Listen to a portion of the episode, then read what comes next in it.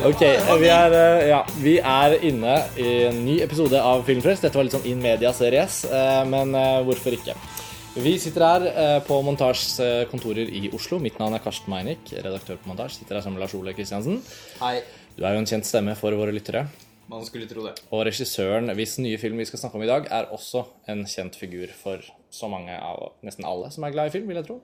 Ja, altså på denne siden av Charlie Chaplin og Alfred Hitchcock så er det vel få eh, regissører som på en måte har den ikoniske statusen. Ikke bare liksom som kunstner, men som figur. Nettopp. Eh, Som Woody Allen. Eh, og hans nye film Blue Jasmine den eh, har akkurat hatt kinopremiere her i Norge. Og den har vi begge sett, og det er rett og slett den filmen vi skal snakke om. Det er det. Woody Allen er jo på en måte en filmografi i seg selv. Dette er film nummer 48. Eh, og man kan alltid innlede en samtale med Woody Allen ved å snakke om alt som har med Woody Allen å gjøre. Og derfor er det liksom befriende også å skulle liksom snakke om Blue Jasmine. Eh, en film som eh, selvfølgelig også umiddelbart føles som en Woody Allen-film. Det er det ingen tvil om. Det er på en måte ikke noe Det har vel omtrent ett minutt. Eh, Eh, Ja, ikke sant? Det, og det er jo for ikke teksten, selvfølgelig. Og, det alene, er fontene altså sånn, Og jeg tar det for gitt at de fleste av lytterne våre er innforstått med Woody Allen, så han trenger på en måte ikke noen øvrig introduksjon, men det er på en måte bare i seg selv fascinerende med disse årlige filmene som kommer like sikkert som eh, årstidene. Og, eh, og Blue Jasmine er, eh, er bare rett og slett på en måte bare en av dem, men også på merkelig vis litt unik og ganske fascinerende, og jeg tror ganske interessant å snakke om.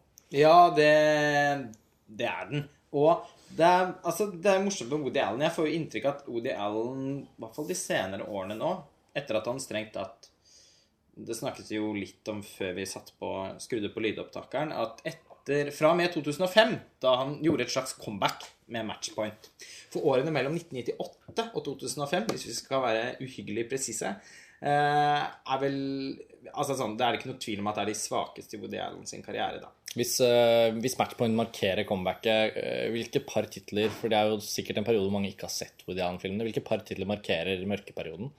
Altså jeg vil si at De som kom før mørkeperioden, som fortsatt er kjempebra, det er Deconstructing Harry og Celebrity. Og så kommer det en periode etterpå med Curse of the Jade Scorpion Den og. Hollywood Ending. Ja. Eh, Small Time Crooks, som jeg kanskje syns er et lavmål. Eh, Og ikke det, den, den, men det morsomme med Woody Allen er at han har jo, i hvert fall i min, eh, i, i min verden, egentlig aldri laget en dårlig film. Men han har laget filmer som er Uspekt. ja, ve veldig uspektakulære. Som på en måte er veldig svak til å være han, da, fordi vi vet hvor god han er når han er i toppform. Og mellom 98 og 2005 så var det rett og slett ingen høydepunkter. Man kan si at Melinda og Melinda fra 2004 var jo kanskje et lite vorspiel på, på hva som skulle komme i Matchpoint. Ja. Men så har han premiere på den filmen i Cannes, og det hagler av toppkarakterer. Eh, Ja. og, og anerkjennelsen er på en Og måte Matchpoint er jo bare en helt usedvanlig Altså, det er jo en av de Jeg tenker sånn eh, Hadde man tatt den filmen ut av idealen og bare sett for seg selv altså Den er, kan angripes fra mange hold, og den står imot uh, plottet, hele liksom sjangerleken. Jævlig bra skuespill. ja. Det er utrolig mye som er veldig bra med den filmen. Eh, Noen Jeg husker det ble omtalt at liksom Oi, Woody Allen er ikke med selv. Eh, Nei. Det er kanskje litt befriende for noen eh, type, liksom. Ja, for da var det lenge siden sist han ikke hadde spilt det. Ja, Melinda er han Ja. ikke med i, men Men så er han ikke med i Midnight in Paris heller, ja. som virkelig er et mesterverk. Og vi har jo uttrykt vår kjærlighet for den filmen tidligere på Filmfrelst. Og, og jeg kjenner jo at den bare også fortsetter å vokse og bare blir bedre og bedre. Desto mer jeg tenker på den. Jeg har endt opp med å se den ganske mange ganger. Um, og Blue Jasmine er jo heller ikke en film med Woody Allen rent fysisk. Men alle disse filmene uten Woody Allen har jo gjerne en Woody Allen-figur som spilles av en annen skuespiller. Og der syns jeg kanskje Blue Jasmine um, For å starte et sted, da. Ja. Uh, Kate Blanchett spiller altså tittelrollen, tittelrollen som uh, Jasmine. Hun har et veldig sånn uh, ugreit, vanlig navn som hun har byttet ut med Jasmine. Jeanette, ja. som har byttet ut med Jasmine. Så spiller denne kvinnen som har giftet seg inn i en veldig rik situasjon, og som opplever et fall. Eh, Fra klassefall, for å si det mildt. Eh, og for å beskrive plottet veldig kort. Men jeg opplevde jo hennes liksom, intensitet og nevroser og hele hennes energi er jo på en måte Woody ja. Det er jo veldig sjelden Ikke- at hovedkarakteren hans ikke på en eller annen måte speiler han, Ja. også når de er kvinner. Og det Ja, er det jo ganske nettopp. ofte. Og, det, nettopp, og det Altså, det er jo i hvert fall et sted å begynne. Dette er jo en virkelig sånn hovedpersonfilm, føler jeg. Eh, og Kate Blanchett er jo altså så god. Eh, eh, for dette er jo en veldig bra film, eh, bare for å ha det sagt. Det er en kjempebra film. Jeg syns man må liksom starte med å snakke om henne. Man må det, fordi hun er jo på en måte filmens Altså filmens uh, sentrum på alle tenkelige måter. Altså Det som gjør at man kan si at denne filmen også er kjempebra, er jo mye takket være hennes rolleprestasjon og karakteren som Woody Allen som- han har skrevet. da, for Den virker jo nesten å være skrevet for henne. Mm. fordi eh, nå er det jo sånn med Kate Blanchett at hun hadde en helt avsindig imponerende periode sånn cirka på midten av 2000-tallet. Hun hadde liksom, De kom som pære på en snor. Rollen som Catherine Hepburn i The Aviator, som hun vant en Oscar for. Og i Babel. Og i Babel Notes on a Scandal, hvor hun er helt eh, utrolig utrolig underholdende og bra. I'm not there. I'm Not There. Altså sånn Hun var, fikk Oscar-nominasjon for alt sammen, og man hadde vel kanskje en viss nesten, Jeg følte nesten at det var litt sånn konsensus at Kate Blanchett var den største skuespilleren eh, I hvert fall kvinnelige skuespilleren i sin generasjon. Eh, og så tok hun rett og slett en liten siesta, fordi at hun og mannen er jo er vel, De er jo kunstneriske ledere for teatret i Sydney. Hun er jo australsk. Og da ble det liksom varslet at Kate Blanchett skulle ta seg en lang pause som skuespiller. At hun kanskje skulle dukke opp litt her og der, men at hun primært skulle Som filmskuespiller, i hvert fall. Ja, som filmskuespiller. Hun har jo spilt på teatret også selv. Eh, og det var et samarbeid med Liv Ullmann. Og det Ja. Det var mye skriverier om det i norsk presse. Og at den rollefiguren på mange måter også er en sterk inspirasjonskilde for den rollefiguren i Blue Jasmine. Ja.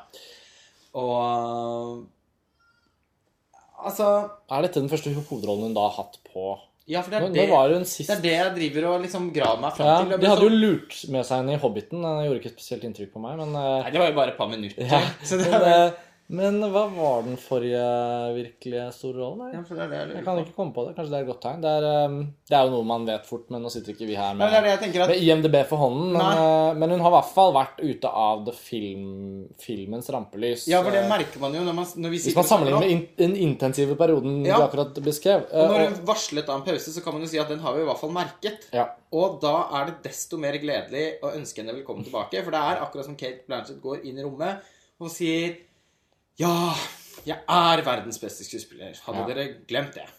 Ja. Og det, det, sånn følte jeg. For det.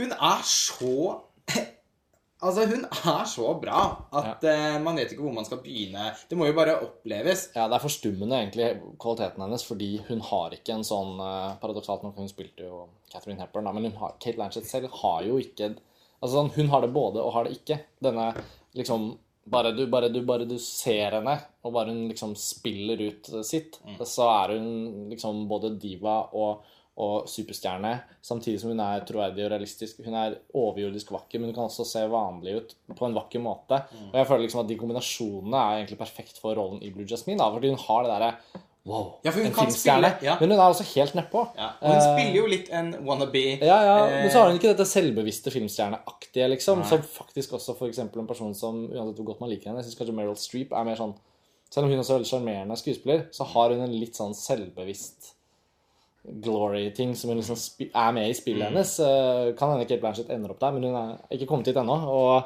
og det syns jeg også er veldig godt å se uh, i Blue Jasmine, for det er en film hvor rollen kunne ha gått det er bra tekst, liksom. Det er bra Ingen tvil om at det ligger noe bra i bunn. Men Kate Blanchett hjelper den hovedrolle liksom Hjelper den personligheten hun spiller, å ikke gå for langt. For det er jo en ganske sånn og Det er ikke subtilitet Nei, som er filmens styrke. Nei, og det er og på ingen måte. Eh, Det er vel kanskje heller det man kan faktisk snakke litt om som Det er vel kanskje det som hindrer filmen fra å være en av mesterverkene til Woody Ja. Som det, vi vel er ganske enige Ja. om at det ikke er. Jeg tror jeg er ganske enig med at det er en usedvanlig god film, eh, og en, på alle mulige måter en bra Woody Allen-film også. Ja. Eh, Men eh, ikke noe mesterverk. Ikke den typen. Nei, den, den, den er akkurat ikke det, fordi at eh, den er, sånn, konstruksjonen er litt enkel. En og... fiksjonsfilm. Ja, ja, det er det. Sånn, mm, Og den er, gammeldags. den er vel overtydelig noen, på noen områder, men det gjør ikke så mye. Det gjør i hvert fall ingenting for underholdningsverdien. For det, altså det som kan sies først og fremst, er jo dette en vanvittig underholdende film. Ja. En film som jeg tror nesten alle som ser den, vil like. Ja, Jeg har allerede fått noen rapporter fra familien som har vært enormt begeistret. Ja, det var, en, det var jo ganske god oppslutning rundt den nå de første dagene. Den var visst den mest sette filmen i Oslo, faktisk, leste jeg. Ja, Det var nesten helt fullt på visningen jeg var på. i hvert fall. Ja, og den Og jeg mener premisset Det er to søstre. De er begge adopterte. Kate Blanchett har levd et overklasseliv med en sånn gigant, superrik hedgefund-fyr i New York. Han blir tatt for øh, ja, kriminelle aktiviteter i sitt finansliv, og hun øh, må ta inn på, på sofaen hos sin øh, slarvete adopsjon, adoptive søster i San Francisco. Og liksom hele, alle kan kjenne seg Altså det er både det søskenforhold, det er liksom klasseforhold, det er, det er liksom ønske om å gjenoppfinne seg selv, men slite med hvordan ting har vært. Altså det er sånn Hele dramaets setting er så gjenkjennelig, og på, Den blir jo underholdende når det er godt, godt gjort. Akkurat sånn godt drama, om det er liksom Ibsen eller hvem liksom, Skriv en ting som folk kan med en gang ta et dukkehjem, liksom. Det er sånn Ja, ikke sant? Uh, og filmen er litt sånn Den har en sånn Tennessee Williams. ja, ja, ja, selvfølgelig. altså, selvfølgelig det er jo den, men, men den har den der fortellingen, opplevelsen, underholdningsverdien. Har den der godt teaterstykke-kvaliteten. Ja, ja, og så har den, den er liksom bygget på eh, et ganske liksom velkjent Egentlig en velkjent situasjon for de fleste, tror jeg. Fordi eh, skildringen av deres søskenforhold er litt som to barndomsvenner som har vokst fra hverandre, og som tvinges sammen igjen. Det er litt som en sånn gjenforeningskveld på et sted hvor man skal ta en flaske vin, og samtalen går tungt. Og man blir introdusert for den andres den Du er nødt til å hilse på! Dette her er Altså Bare drømmer man om å, å komme, og- komme seg derfra. Og uviljen i Kate Blanchetts uh, rolle, rollefigur. Ja, ja, I starten av filmen særlig, hvor hun på en måte Åh, nå må jeg ned på på en måte lillesøsters eh, nivå. Ja, Og så er det dette at de er begge adoptert òg, som Ja, er så sånn de er- tema hos Woody Allen. Ja. eh, som også, også ligger i den Mighty Aphrodite. Mighty Aphrodite er faktisk en film som jeg tenker litt på da jeg så den. Beklager å nevne den, som jeg vet at du ikke har sett. Men du har sett alt. Det er en av to Woody Allen-filmer jeg ikke har sett, Ja. eh, så det er jo fortsatt uh, veldig flau for å ikke ha sett det. Men det var faktisk, jeg kom jo også på det fordi det var den forrige Woody Allen-filmen jeg så. Altså Det var litt i våres eh, hvor jeg fikk sett den filmen, og det var så gøy. Og der er jo adopsjon også et tema. Og Woody Allens liv er jo adopsjon et slags tema. Uh, Ja. sånn at det, Ja, jeg bare er liker at det ligger der. da Og hun Sally Hawkins, som jeg tror ingen av oss har hatt så veldig sansen for fra før av, opplevde i hvert fall jeg at var litt sånn overraskende bra. da Hun var, hun var faktisk veldig bra. Ja. Og det problemet jeg har hatt med henne, er liksom egentlig ikke Men hun er bare så Hun har et så spesielt utseende, og han ja, hun spilte også veldig britiske roller. Ja, og, og det er jo en sjanger som ikke du har sånn nært hjerte. Nei, det, det, er, det er vel sannheten. Eh, og, men hun er også så Hun er, så hun er liksom så karikert uansett hva hun gjør. Så jeg har aldri jeg, jeg, Sånn Happy Go Lucky til Michael Jeg syns jo egentlig hun gjør Hun gjør en veldig god prestasjon der som den karakteren han har skrevet for henne, som i seg selv er en veldig sånn voldsom, superkarikert ja. rollefigur. Men det blir jo ikke noe jeg virkelig setter pris på. Hun, det var det første som jeg, når jeg så at hun skulle være med i den filmen. Å nei.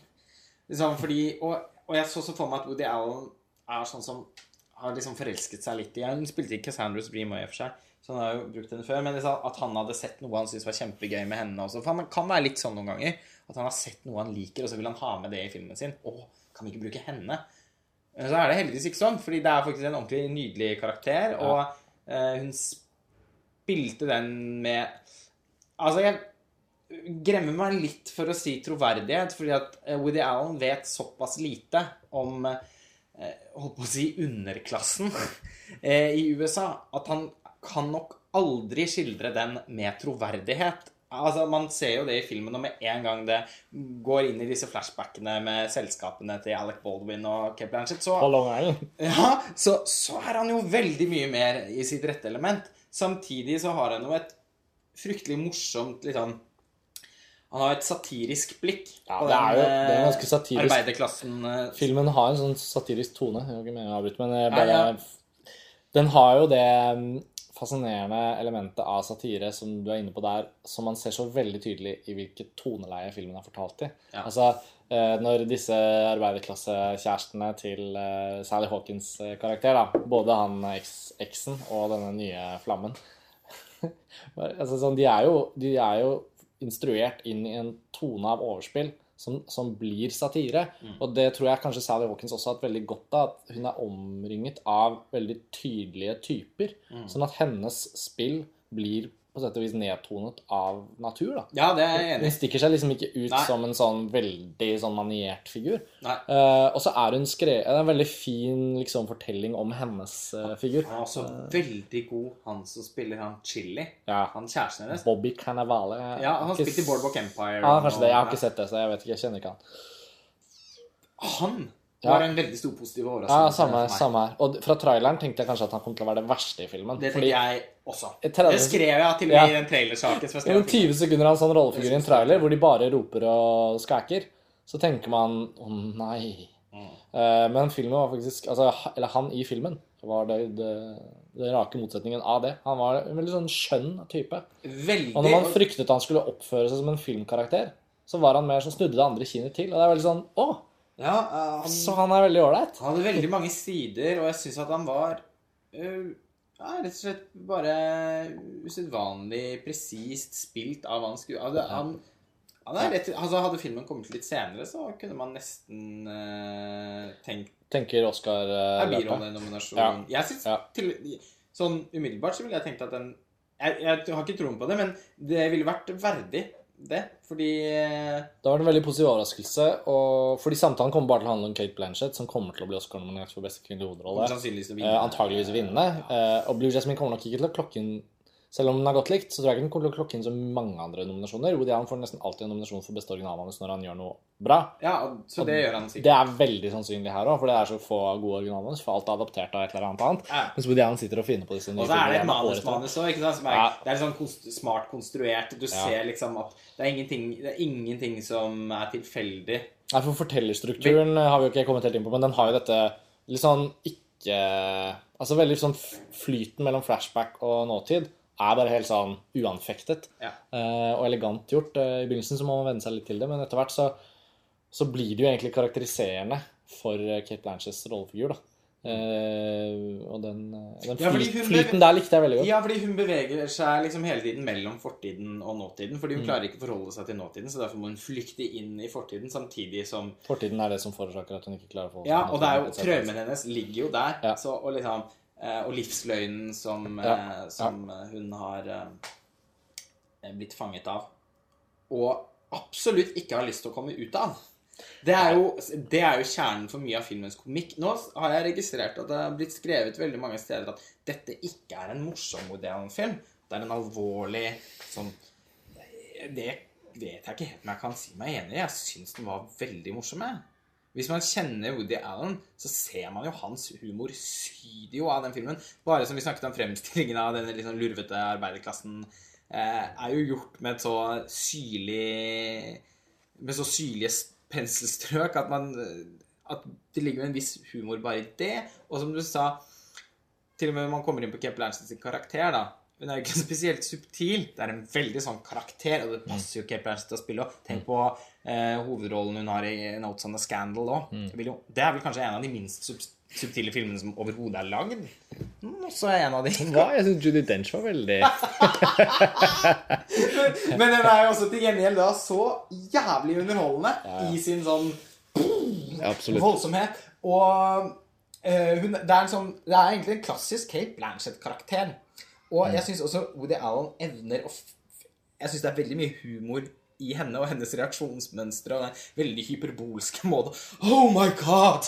Så Altså sånn, hun, hun griper til vodkaflasken sikkert 50 ganger i løpet av filmen, men hun gjør det aldri på en normal måte. Det er liksom alltid et slags nevegrep, som om hun tar en tennisracket ut av hylla, liksom. Og det, det preger Og hele spillet hennes. sier og liksom De daffe øynene liksom, Er det noen som har en vodka martini? Ja, ja, ja. Litt oppgitt, samtidig som hun også Skal vi ikke Skal vi Nå er jeg her. ja. Prøv å gjøre det litt ok Ja. for meg, da. Selv, selv om hun ikke gjør noe for å fortjene det heller. For hun er jo helt forferdelig usympatisk. eh. Ja, hun er jo en av disse virkelig nå, nå snakker vi jo om det innlysende i lys av de som er på en måte gode rollefigurer Ja. eh, opp gjennom historien. Men hun er jo en av de der klassiske, fantastiske, usympatiske hovedpersonene. Ja, som man selvfølgelig har det største hjertet for når Ja, det kommer til slutten. Og, det har man. Ehm, jeg fikk ikke kommentert det i stad, jeg glemte det, men eh, du, sa det, du kom inn på dette med humor, eh, og jeg er jo enig. Altså, jeg synes den, Når den er morsom, så er den morsom. Men filmen, eh, på tross av alt vi nå beskriver den som, som jeg selvfølgelig føler jeg at vi, vi treffer, treffer den på kornet ganske godt, så syns jeg vel likevel at på tross av alle disse karik karikerte tingene og satiren og ditt og datt, så, så sniker den jo inn eh, alvoret sitt. Eh, og da mener jeg da at ja, jeg, jeg er enig med deg at den kan ikke bare sies å være en alvorlig film, men gjennom det den gjør, så begynner den å virke på et eller annet tidspunkt der. Og da kjente jeg liksom filmen kom i en sånn skikkelig god modus, fordi jeg satt og var underholdt, og jeg gledet meg over at det var, føltes som en bra film, eh, med unntak av det aller første bildet, som er sånn databilde av et fly som flyr i skyene, Og jeg ble litt bekymret. Etter det så var alt bra. Men, eh, men jeg vet ikke helt når det er, men det er vel når Kate Blanchett har møtt denne Peter Sarsgaard-karakteren, eh, som er diplomat eh, Der går filmen Eller i hvert fall for meg, så begynte jeg å kjenne på hvordan den virket. For det er jo en sånn sorg og en tematisk relevans oppi alt det karikerte, som liksom filmen faktisk får til. Eh, og jeg opplevde den som veldig, veldig sterk det siste liksom strekket. Jeg ja, kan snakke Nei, om akt eller 20 jeg- minutter eller ja. Jeg husker ikke helt, men det var liksom derfra ut så begynte den å liksom virkelig For jeg begynte å bekymre Hvordan skal dette gå? Eh, og, og oppsummeringen blir jo at jeg i etterkant føler at det var en alvorlig film fordi den ble liksom sterk. Mm. Et sånt ord som på en måte Midnight in Paris er liksom ikke en sterk film. jo, men så, den er mye lettere til sinns, Ja. ikke sant? men den er også Den er tematisk. tankevekkende Den er tankevekkende, og det er ikke, den er ikke uten alvor. Nei. Men dette er liksom en film som, som, som faktisk ender opp med å være litt sånn sterk. Ja, Ja, Det men- hadde jeg jo selvfølgelig sansen for. Da. Ja, ja, jeg vil si meg enig i det. Men, men altså, jeg tenker at uh, en del, det, det er jo en, en, en gammel Det er jo en sviske å si det, men altså, alle gode komedier er jo veldig alvorlige. Og i hvert fall Woody Allens komedier. Ja. Uh, og jeg føler at denne filmen Det er vel kanskje heller det jeg er ute etter å presisere. da, At jeg føler ikke at denne filmen har det litt sånn poserende alvoret som enkelte av Woody Allen sine filmer har. Som, eh, som Interiors, som i og for seg også handler om en søskenflokk. Eh, eller Another Woman, eller September. Eh, I og for seg Cassandra's Dream, selv om den er langt mindre vellykket enn de andre jeg nevnte nå. Eh, som er det, det, I de filmene føler man at Woody Allen liksom virkelig liksom går inn for å være alvorlig. altså han Nesten stripper bort humoren, da. Eh, det er det mange som har kritisert han for. eh, Når det er, altså De filmene er vel fortsatt noen av de fansen hans er mest uenige om. Jeg er, blant, eh, jeg er på veldig på den positive siden. da. Jeg synes jo Særlig eh, eh, Interiors, for eksempel, da, er en av mine favoritt-Woody Allen-filmer. Jeg syns også han er veldig god på det. Jeg syns ikke han trenger å være morsom for å være bra. Eh, men Men denne filmen passer ikke inn i den kategorien, syns jeg. Jeg syns den er Nei. mer sånn begge. Altså Hannah and Her Sisters, for eksempel. Ja. Det var jeg skulle til å nevne den. Den er jo ekstremt morsom. fantastisk, så vi må ikke sammenligne den for mye Nei, nei, med nei. Nei, nei. Jasmine. nei, nei. eh, For den, for den er jo helt der oppe. Ja, det er en av de beste filmene som er laget noen gang, syns jeg.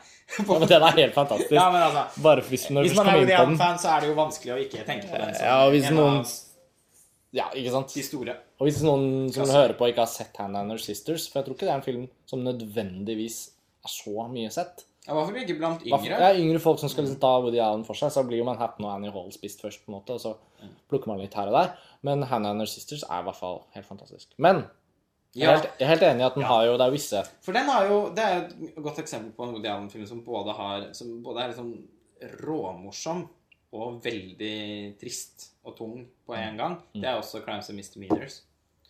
Uh, Ja. Så den, det jeg føler at den er mer er der, da. Crimes and Misdemeanors er egentlig den beste sammenligningen, tenker jeg. Ja, for den Ja.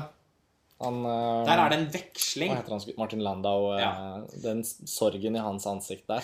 Ja, det- Der er det vel noen fellestrekk. eh, Eh, Ja, det vil jeg si. Altså, sånn, eller i hvert fall toneleie i den filmen kan minne litt om Blue Jasmine. Nå er Ja. igjen da Blue Jasmine ikke eh, Den er ikke på det nivået eh, i det hele tatt, men den, men den lykkes veldig godt med å være liksom en, en litt enkel, men treffende moralfortelling. Altså et moraldrama.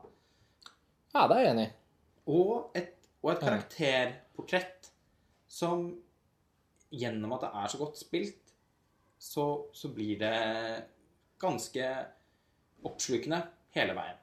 Og det, filmen har, det tjener jo veldig på at den ikke liksom At den ikke river vekk oppmerksomheten fra Kate Blanchett sitt ansikt. Det er i hvert fall ganske sjeldent. De gangene filmen går bort fra henne, så er den ikke like bra, syns jeg. Det er ikke så ofte. Syns vel han et slags lavpunkt, hvis man skal snakke om det. Eller i hvert fall der hvor filmen ble litt sånn uh, uh, Hva er det de sier? Uh, litt sånn la-la-la når, når kommer Kate Blanchett tilbake? Mm. Det var vel de sekvensene med han uh, lydteknikerflørten til søsteren. Ja. Der følte jeg vel kanskje det er det var ikke sånn, like engasjerende. Nei da. Men det var jo en del av plottet, så det måtte jo liksom til. Ja, det var, det, det var ikke det. Men det var mer en oppnøsting ja. av Jeg syns vel nesten heller det som kom etter for akkurat det syns jeg nok var litt, på en måte litt fint, fordi scenene var ganske fine. Men den slags sånn oppnøstingen av det utroskaps... Fra i, i flashbackene? Nei, jeg tenkte Nei, nei. Jeg nei. tenkte på altså sånn ja, ja, ja, ja. Sally Hawkins' karakter, han Chili. Ja, ja. Det etterspillet der, i den butikken, det syns jeg ikke var noe særlig. Bare, bare, fordi jeg Ikke fordi det var dårlig, men fordi det liksom tok oppmerksomheten vekk fra det som er viktig.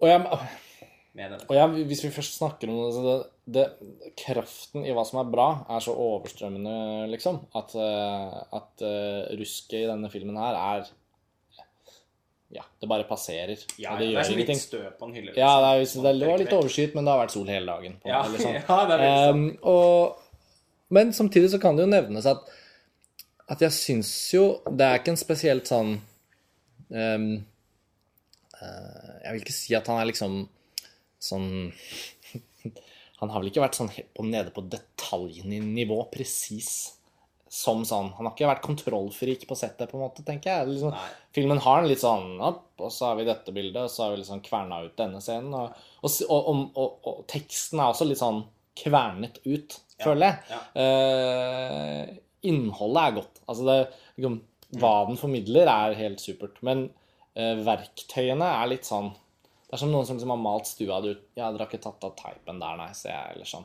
Liksom, ja, det er litt, litt sånn sparkling. Samtidig som jeg synes at nei, eh, Og det er, for det er en eh, Det er jo en luksus ved å se Woody Allen sine filmer alltid er at de er uhyre godt skrevet. Altså, dialogen er jo en Syns jeg er eksepsjonelt god.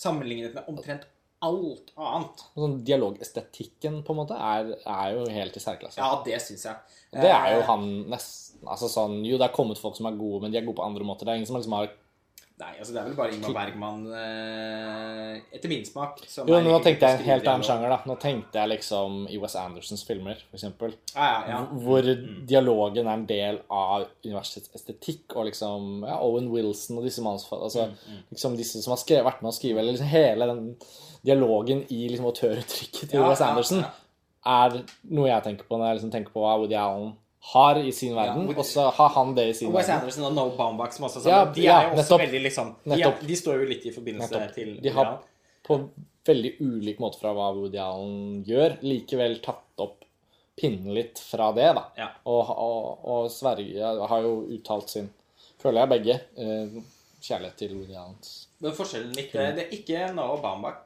da. For han har, besitter faktisk veldig noen av de samme kvalitetene som Woody Allen har med skrivingen sin, men han har liksom ikke kommet langt nok ennå. Jeg føler jo Wes Anderson strengt tatt allerede er i en helt annen fase av karrieren sin enn det Bambak er. Ja, absolutt.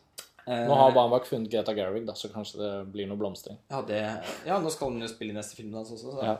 og de har vel blitt et par, så det er jo en lykke.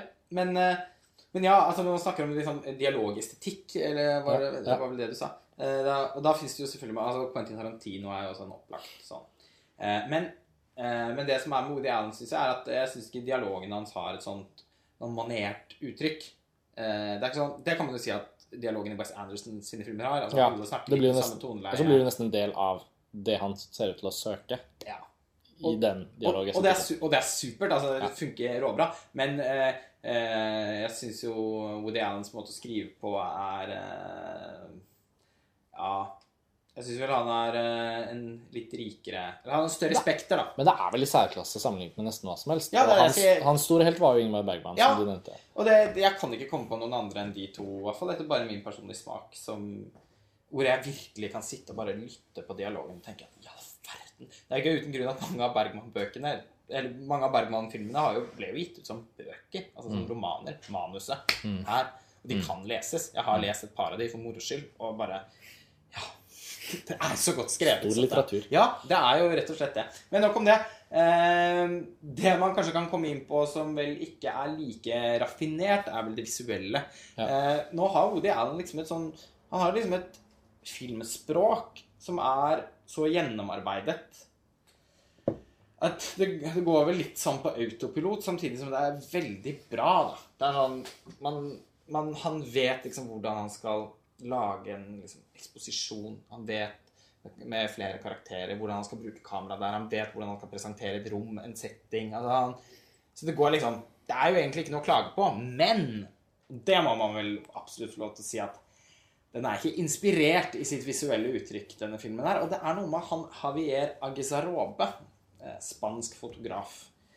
Han jobbet jo også sammen med Woody Allen på Wiki Christina Barcelona. Jeg syns han fikk mer ut av det, fordi han åpenbart kanskje syntes at Barcelona var en setting som han Altså, det, det kunne jo velte seg i sol og Ja. ja det Blue- jeg er en vidunderlig film. Blue Jasmine har vel ikke blitt den store San Francisco-filmen? Nei, Kan man kanskje- nei, det var kanskje egentlig det jeg skulle fram til. Det, det syns jeg vel var magert, ja. på en måte. Og, Skal si Det var jo en del New York òg i disse flashbackene, mer enn Ja. jeg hadde forberedt meg på, Ja. på forhånd. Men eh, det var jo men det er noe med den veldig sånn solbefengte Det er rart, fordi Woody Allen sine filmer på 80-tallet Når han jobbet sammen med Prince of Darkness, Gordon Willis og Carlo de Palma, eh, og Sven Nyquist, som var hans tre faste fotografer eh, Fram og, eh, alle, Felles for alle de filmene, nesten, er jo at de er ganske mørke. Mm. Og det er veldig rart hvordan Woody Allen de siste ti årene har laget filmer som liksom glinser av sol. Mm. Det har jeg nok faktisk litt problemer med. mm. Selv om jeg eh, elsker eh, noen av disse filmene. Altså Der hvor det helt åpenbart kan ikke skjønne hvorfor han ikke Hvorfor han må det. det Akkurat i denne filmen så Ja. var det påtagelig for meg, Fordi der syns jeg ikke det reflekterte tematikken eller Altså filmens Tvert imot, egentlig. Ja, jeg tror definitivt Ja, jeg er helt enig. Jeg tror definitivt at sånn sett liksom bruken av lys og, og, og måten fotografen bidrar til fortellingen på, er uutnyttet. Eh, der hvor det har virkelig fungert, hvor det ser Hvor det er tenkt Eller hvor det på mange måter eh, ikke ser så ulikt ut fra, fra det du beskriver, da, er jo i 'Midnight in Paris', hvor, hvor hele temaet i filmen eh, handler om en form for sånn eh, dyrkingen av eh, ja, om det er nostalgiske og disse liksom, tidsreisene, men også liksom snak samtalene om Paris i nåtidsnivået i filmen. Eh, diskuterer jo og underforstått kritiserer jo Paris, og gjennom å bruke bildene for å forskjønne det, så oppnår jo han, for de som ser det, da, Ja. eh, et helt utrolig fascinerende sånn eh, tematisk nivå i bruken av lys. Ja, fordi- Eh, fordi og der- det er han smart nok til å gjøre. Ja, fordi der passer det jo. Altså, der, der er jo Altså, Der er jo formspråket med på å underbygge tematikken i Mm. Så der er det jo helt riktig. Det er det også i 'Viking Christina Barcelona. Så der, synes jeg helt, der, der passer det, liksom. Og i eh, Matchpoint ser ut som et hvitt A4-ark, på en måte. Den er veldig kjølig og steril og så, så, sånn. Men akkurat i denne Og så er det noen av disse mellomfilmene hvor jeg har gitt litt faen i det. Fordi på en måte Ja. Men den var i hvert fall litt bra eller morsom. Jeg har vel aldri hørt noen referere til A Tall Dark Stranger på noe vis som film, men, men, er men, jo du faktisk- så den. Men den er, jeg har sett den eh, to ganger. Ja. Den er faktisk veldig undervurdert. Ja, Det jeg er, måtte bare nevne den, fordi den har jeg på en måte Jeg vet at du har sagt at den er god, så jeg har liksom notert meg det. Og jeg, når jeg ser den, hvis jeg ser den, så vil det jo hovedsakelig være fordi jeg følte at folk sa at det var en god film. Men det er gøy med at noen av Woody Allen-filmene er på en måte forsvinnende lite populærkulturelle i sin arv. jeg vil jo kanskje si at av, av de nyere filmene Nå har vi nevnt Cassandra Stream noen ganger allerede, men jeg synes kanskje også Scoop eh, forsvant litt. Skup forsvant litt, ja. Den var ikke et Scoop. Eh, selv om den også er, er, på mange måter er morsom. Eh, men eh, men, men, ja, men You Will Meet a Tall Dark Stranger Ja, det var den noe, noe, ja. noe stor appell for den, men Nei. den syns jeg faktisk er veldig bra. Eh, jeg syns egentlig den er omtrent på samme nivå som Blue Jasmine, selv om jeg nok syns at Blue er Jasmine er interessant. Et lite hakk over okay. på grunn av Kate Blanchett sin rolleprestasjon. Men, eh, men den er også ganske snedig Ok. Ja. Ja, kult. Det vil Men jeg si. Jeg er glad jeg nevnte den, Men, nevn- men ettersom vi snakket om liksom fotografene og formspråket Det er nok ikke Vilmos Zigmunds største arbeid. Nei. Det var ikke helt blowout-nivå på den. Nei. Den er også denne veldig sånn glossy Ja, den filmen også syns jeg faktisk det til dels er et problem. Ja. At uh, formspråket er Jeg skjønner ikke hvilke argumenter han måtte ha for å, for å gjøre det sånn. For det skal Nei. være så glossy og I sine, Og da i sine svakeste øyeblikk litt stemningsløst. Ja. Nei, men det er vel Ved at det passer med mange av disse nyere filmene òg, så er det jo interessant for å snakke litt om Woody Allen utover Blue Jasmine, liksom, og så er det jo interessant hva han liksom Hva han har utrettet og, og på en måte ikke utrettet som liksom visuell filmskaper. Mm. Fordi eh, den lett den litt sånn der eh, snappy måten å kjapt kategorisere Woody Allen på, er jo ikke gjennom å snakke om hans visuelle måte, uttrykk. Men uh, setter man seg litt inn i det Og jeg har jo ikke lest noen bøker om Woody Allen. Jeg er jo ikke på en måte den typen virkelig har gått inn i det. Og jeg eh, regner jo deg som en av de som har gått inn i det. Men samtidig så tror jeg liksom allerede for meg ganske tidlig så var det jo tydelig idet man har skrudd på liksom Manhattan og Annie Hall, da, for å bruke de. Og så liksom and Her Sisters, Husbands and Wives. Og så disse Og så begynner man å tenke Men fy faen, det er jo Han er jo en av, egentlig en av de store visuelle filmskaperne. Helt uten tvil. Og det er altså, liksom det, mest uh, frustrerende undervurderte elementet ved Woody Allen er jo visualiteten hans. Det er nok mye i samarbeid med disse fotografene, fordi Altså, han Ja, ja men altså og, fordi, og, og de har også vært med altså de har, Jeg tror de har kultivert en, liksom en estetikk sammen. Bare uh, måten Woody Allen bruker totalbilder på, eh, med mennesker i rommene på, ikke klipper inn til nærbilder hele tiden. Han, det er virkelig hans. Men det er klart at Gordon Willis og Sven Nyquist, som jo kanskje er de to beste fotografene som noensinne har levd, hvis du spør meg, eh, og Carlo Di Palma, som jobbet med Antonioni, og som også er altså sånn egentlig helt avsindig undervurdert. Fordi de arbeidene han har gjort for Woody Allen, kamerabruken i Hand Her Sisters f.eks. For ikke å snakke om Husbands and Wives, da, som du nevnte, som er, en sånn, den er ganske progressiv. Den, eh, den filmen er fra, vel fra 1994, og er jo nesten sånn dog... Altså, den er akkurat som den er litt sånn et forspill til dogmebølgen, liksom. Absolutt. i sin sånn røffe. Han har, og, og, da, og hvis man skal begynne å snakke om filmer som Stardust Memories, som jeg hadde, nylig hadde et veldig fint uh, gjensyn med, og, og den Shadows and Fog, som er en stumfilm på Sishan, som sånn utrolig liksom, gjennomførte, avanserte visuelle uttrykk.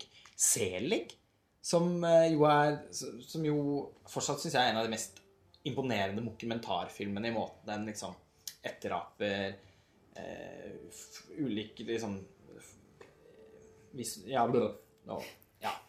Ja, Nei, men altså, Arkivfoto og arkivopptak og sånn som det. det. Det er jo helt overstrømmende. Og selvfølgelig da Manhattan, liksom, som Ja. kanskje er den vakreste sort-hvitt-filmen eh, som fins. Siden dreier Jeanne d'Arc. Ja. Nei, men jeg- for, hvorfor Ja, ikke? Hvis man skulle valgt seg én svart-hvitt-film og har veldig sansen for Manhattan, så er det jo vanskelig å liksom angripe den. Ja, altså, nå, nå blir det jo så mye å. Altså, det er jo kanskje noe av det beste, eller, er men, så, men for meg så er det sånn, fordi han rager så høyt, da. Ja. Og Manhattan Ja, men- er min nummer tre favorittfilm Ja. gjennom tidene. Ja. Så det er jo Da klart blir den jo fort, Da blir da blir den jo fort den beste i svart-hvitt, da. Ja, Hvis de to andre da er The Shining og Fanny Alexander, som jeg gjetter at ja, det er riktig, det. Så det Ja, men, det, men en grunn til at eh, Altså, kjærligheten til den filmen handler jo også veldig mye om det visuelle, da. Fordi altså bare åpningen med fyrverkeriene til George Gershwin-musikken, Mm.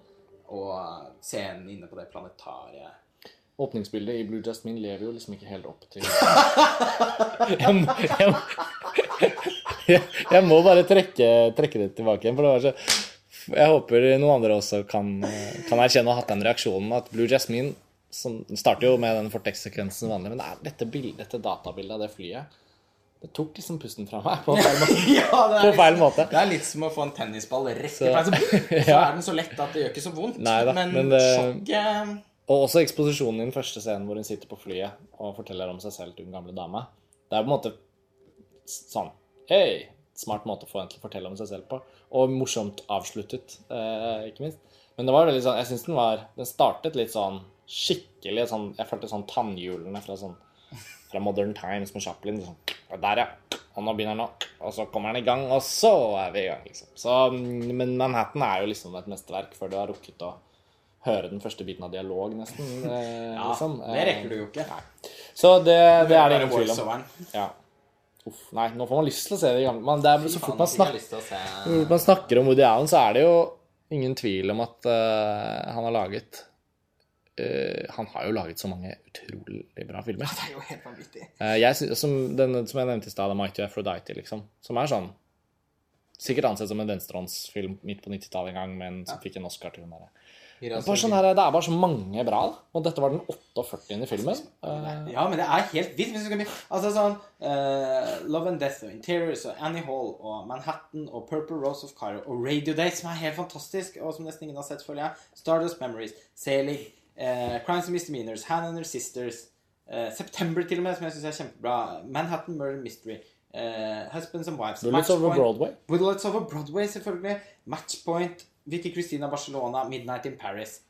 Altså Ja. Kom, kom med en annen filmografi som er så ja, men, rik. ja, da kan man begynne å snakke om Scorsese, og de er ikke så mange bra filmer. Kanskje Scorsese var vel et litt strengt valg, men eh, Men, men, men det er det- Selvfølgelig. Men det var morsomt. Det er jeg morsomt poeng. Ja, det er morsomt jeg poeng. føler ofte at Woody Allen bare ses på som sånn Det er litt- sånn nisje også. Å ja, Woody Allen. Liksom sitt. Ja. Og så At filmene liksom ikke står for seg. Ja, så snakker man liksom Coppola, Scorsese, Spielberg Coppola er vel et ganske godt eksempel, spør du meg, da. Ja, for han har jo der- laget så veldig mange bra filmer. Så. Coppola, herregud, da. Han som har laget Conversation, Gudfaren-filmen og Apokalypse nå og Nei, det var dårlig Så det er gjort. mye Men det er jo faktisk Man eh, from the Heart har mange spennende visuelle ambisjoner. Nei, eh, Nei, så Woody Allen har vår respekt, det, og bør ha det av alle, egentlig. Det er vel Nei. konklusjonen. ja. Stor amerikansk eh, filmskaper. Og Blue Jasmine føyer seg slutt, og som, Nei, altså, Han slutter jo aldri å bli bra eller relevant eller interessant. Eh, Hvor gammel er han nå? 77? Noe sånt. Nei. Og man snakker jo om at uh, all, Det er liksom sånn Ja, ja Woody Allen-film på det jevne, på en måte. Men så, så noen ganger, en sjelden gang, så kommer han med noe. Det er liksom det, Jeg føler at det er konsensus. det, ja. ja. Det er jo ikke sant, egentlig. Fordi uh, hadde man rappet vekk de, de liksom mellomfilmene, som fortsatt ofte er ganske gode, gode da, eh, så sitter man jo likevel igjen med en sånn Ja, men da har han jo levert en ganske imponerende rekke de siste årene. Fordi andre filmskapere bruker jo tre-fire år på filmene sine. Og det er klart da man, da man kan, Matchpoint, Vicky Christina Barcelona, Midnight to Paris, Blue Jasmine Ja. Det er jo godt levert på åtte år, det. Ja, definitivt. Eh, Og jeg ville tatt med Even Meet at Tall Dark Stranger også. Ja. I den. Så årets Woody Allen-film har rett og slett eh, levert på et veldig bra nivå. Eh, kan vi jo oppsummere med. Og Blue Jasmine kommer jo Ikke minst, eh, det er bare som en liten, liten replikk helt mot slutten nå eh, Ikke minst føles jo også Blue Jasmine i dette filmåret, i denne filmsommeren, som en forfriskende påminnelse om at eh, selv en film uten at skyskrapere faller, kan levere bra underholdning. Og det syns jeg var oppmuntrende og veldig betryggende å se. Etter å også i forrige episode av Filmfrelst diskutert hvordan denne utmattelsen med, med destruction porn da, liksom, og Pacific Rim og dessverre må jeg da også trekke inn Man of Steel, selv om jeg vet at du setter stor pris på den. Eh, og um, og øh, Hvilken annen film var det jeg tenkte på? Ja, uansett. Det er jo så mange eksempler å nevne. Hvor skal man starte? Så, men Blue Jasmine da øh, blir jo selvfølgelig en liksom perfekt måte å starte filmhøsten på òg, for det begynner jo å bli litt kjøligere ute. Og den er, så, den er liksom så god på så Ja, vi kommer tilbake til det. Den har bare hjertet på rett plass, og den er underholdende og sterk. Og, og når den er over, så er det bare sånn good times at the movies. Sånn ordentlig. Ja, skikkelig. Det er, det, det er faktisk det det er. En trygg anbefaling. Ja. Hvem som helst. Gå og se den. Ja, gå og se den. Ja. Det, ja. Nei, kunne ikke sagt det på en annen måte, egentlig. Og da har vi vel kommet i mål. Det har vi. En pange, en ordentlig Jeg syns det var fint at du sa det. For det fordi jeg så jo Dagen etter jeg hadde sett Blues Min, så så jeg den Elysium av Neil Blomkamp, som jeg tror vi skal snakke om på eh, Filmfrelst-siden. Som jo var, selv om den var ok, var også ganske underveldende. Og den, mens den føltes ut som liksom en avslutning på denne ganske dvaske filmsommeren, så føltes nettopp Blue Jasmine som starten på den lovende høsten. Ja. Det, så jeg syns vi skal se den i det lyset. Det Nå, nå begynner det en veldig trivelig sesong, får vi håpe, da. Um, det er bare et år til neste podkast om en Woody Allen-film, så vi kan jo alle bare glede oss til det. Ja, Den skal innspilles i Europa. Jeg lurer, på om Europa. tilbake- jeg lurer på om han til og med skulle tilbake til Paris, men nå blir jeg litt usikker. Spennende. La oss håpe han også reiser tilbake til Lea Seydoux. Det var Det det, for. Det eh, er sånn denne som gang. drar med seg Adel Exarchopoulos. Det er lov å håpe. Uh, Lars Ole, takk for nå. Takk for nå, Takk for at dere lytter til Filmfrelst, eh, kjære lyttere. Det er vi alltid like glad for. Ellers hadde det ikke vært så gøy å snakke om disse filmene. Så takk for det. Og til neste gang. Ha det bra. Ha det bra.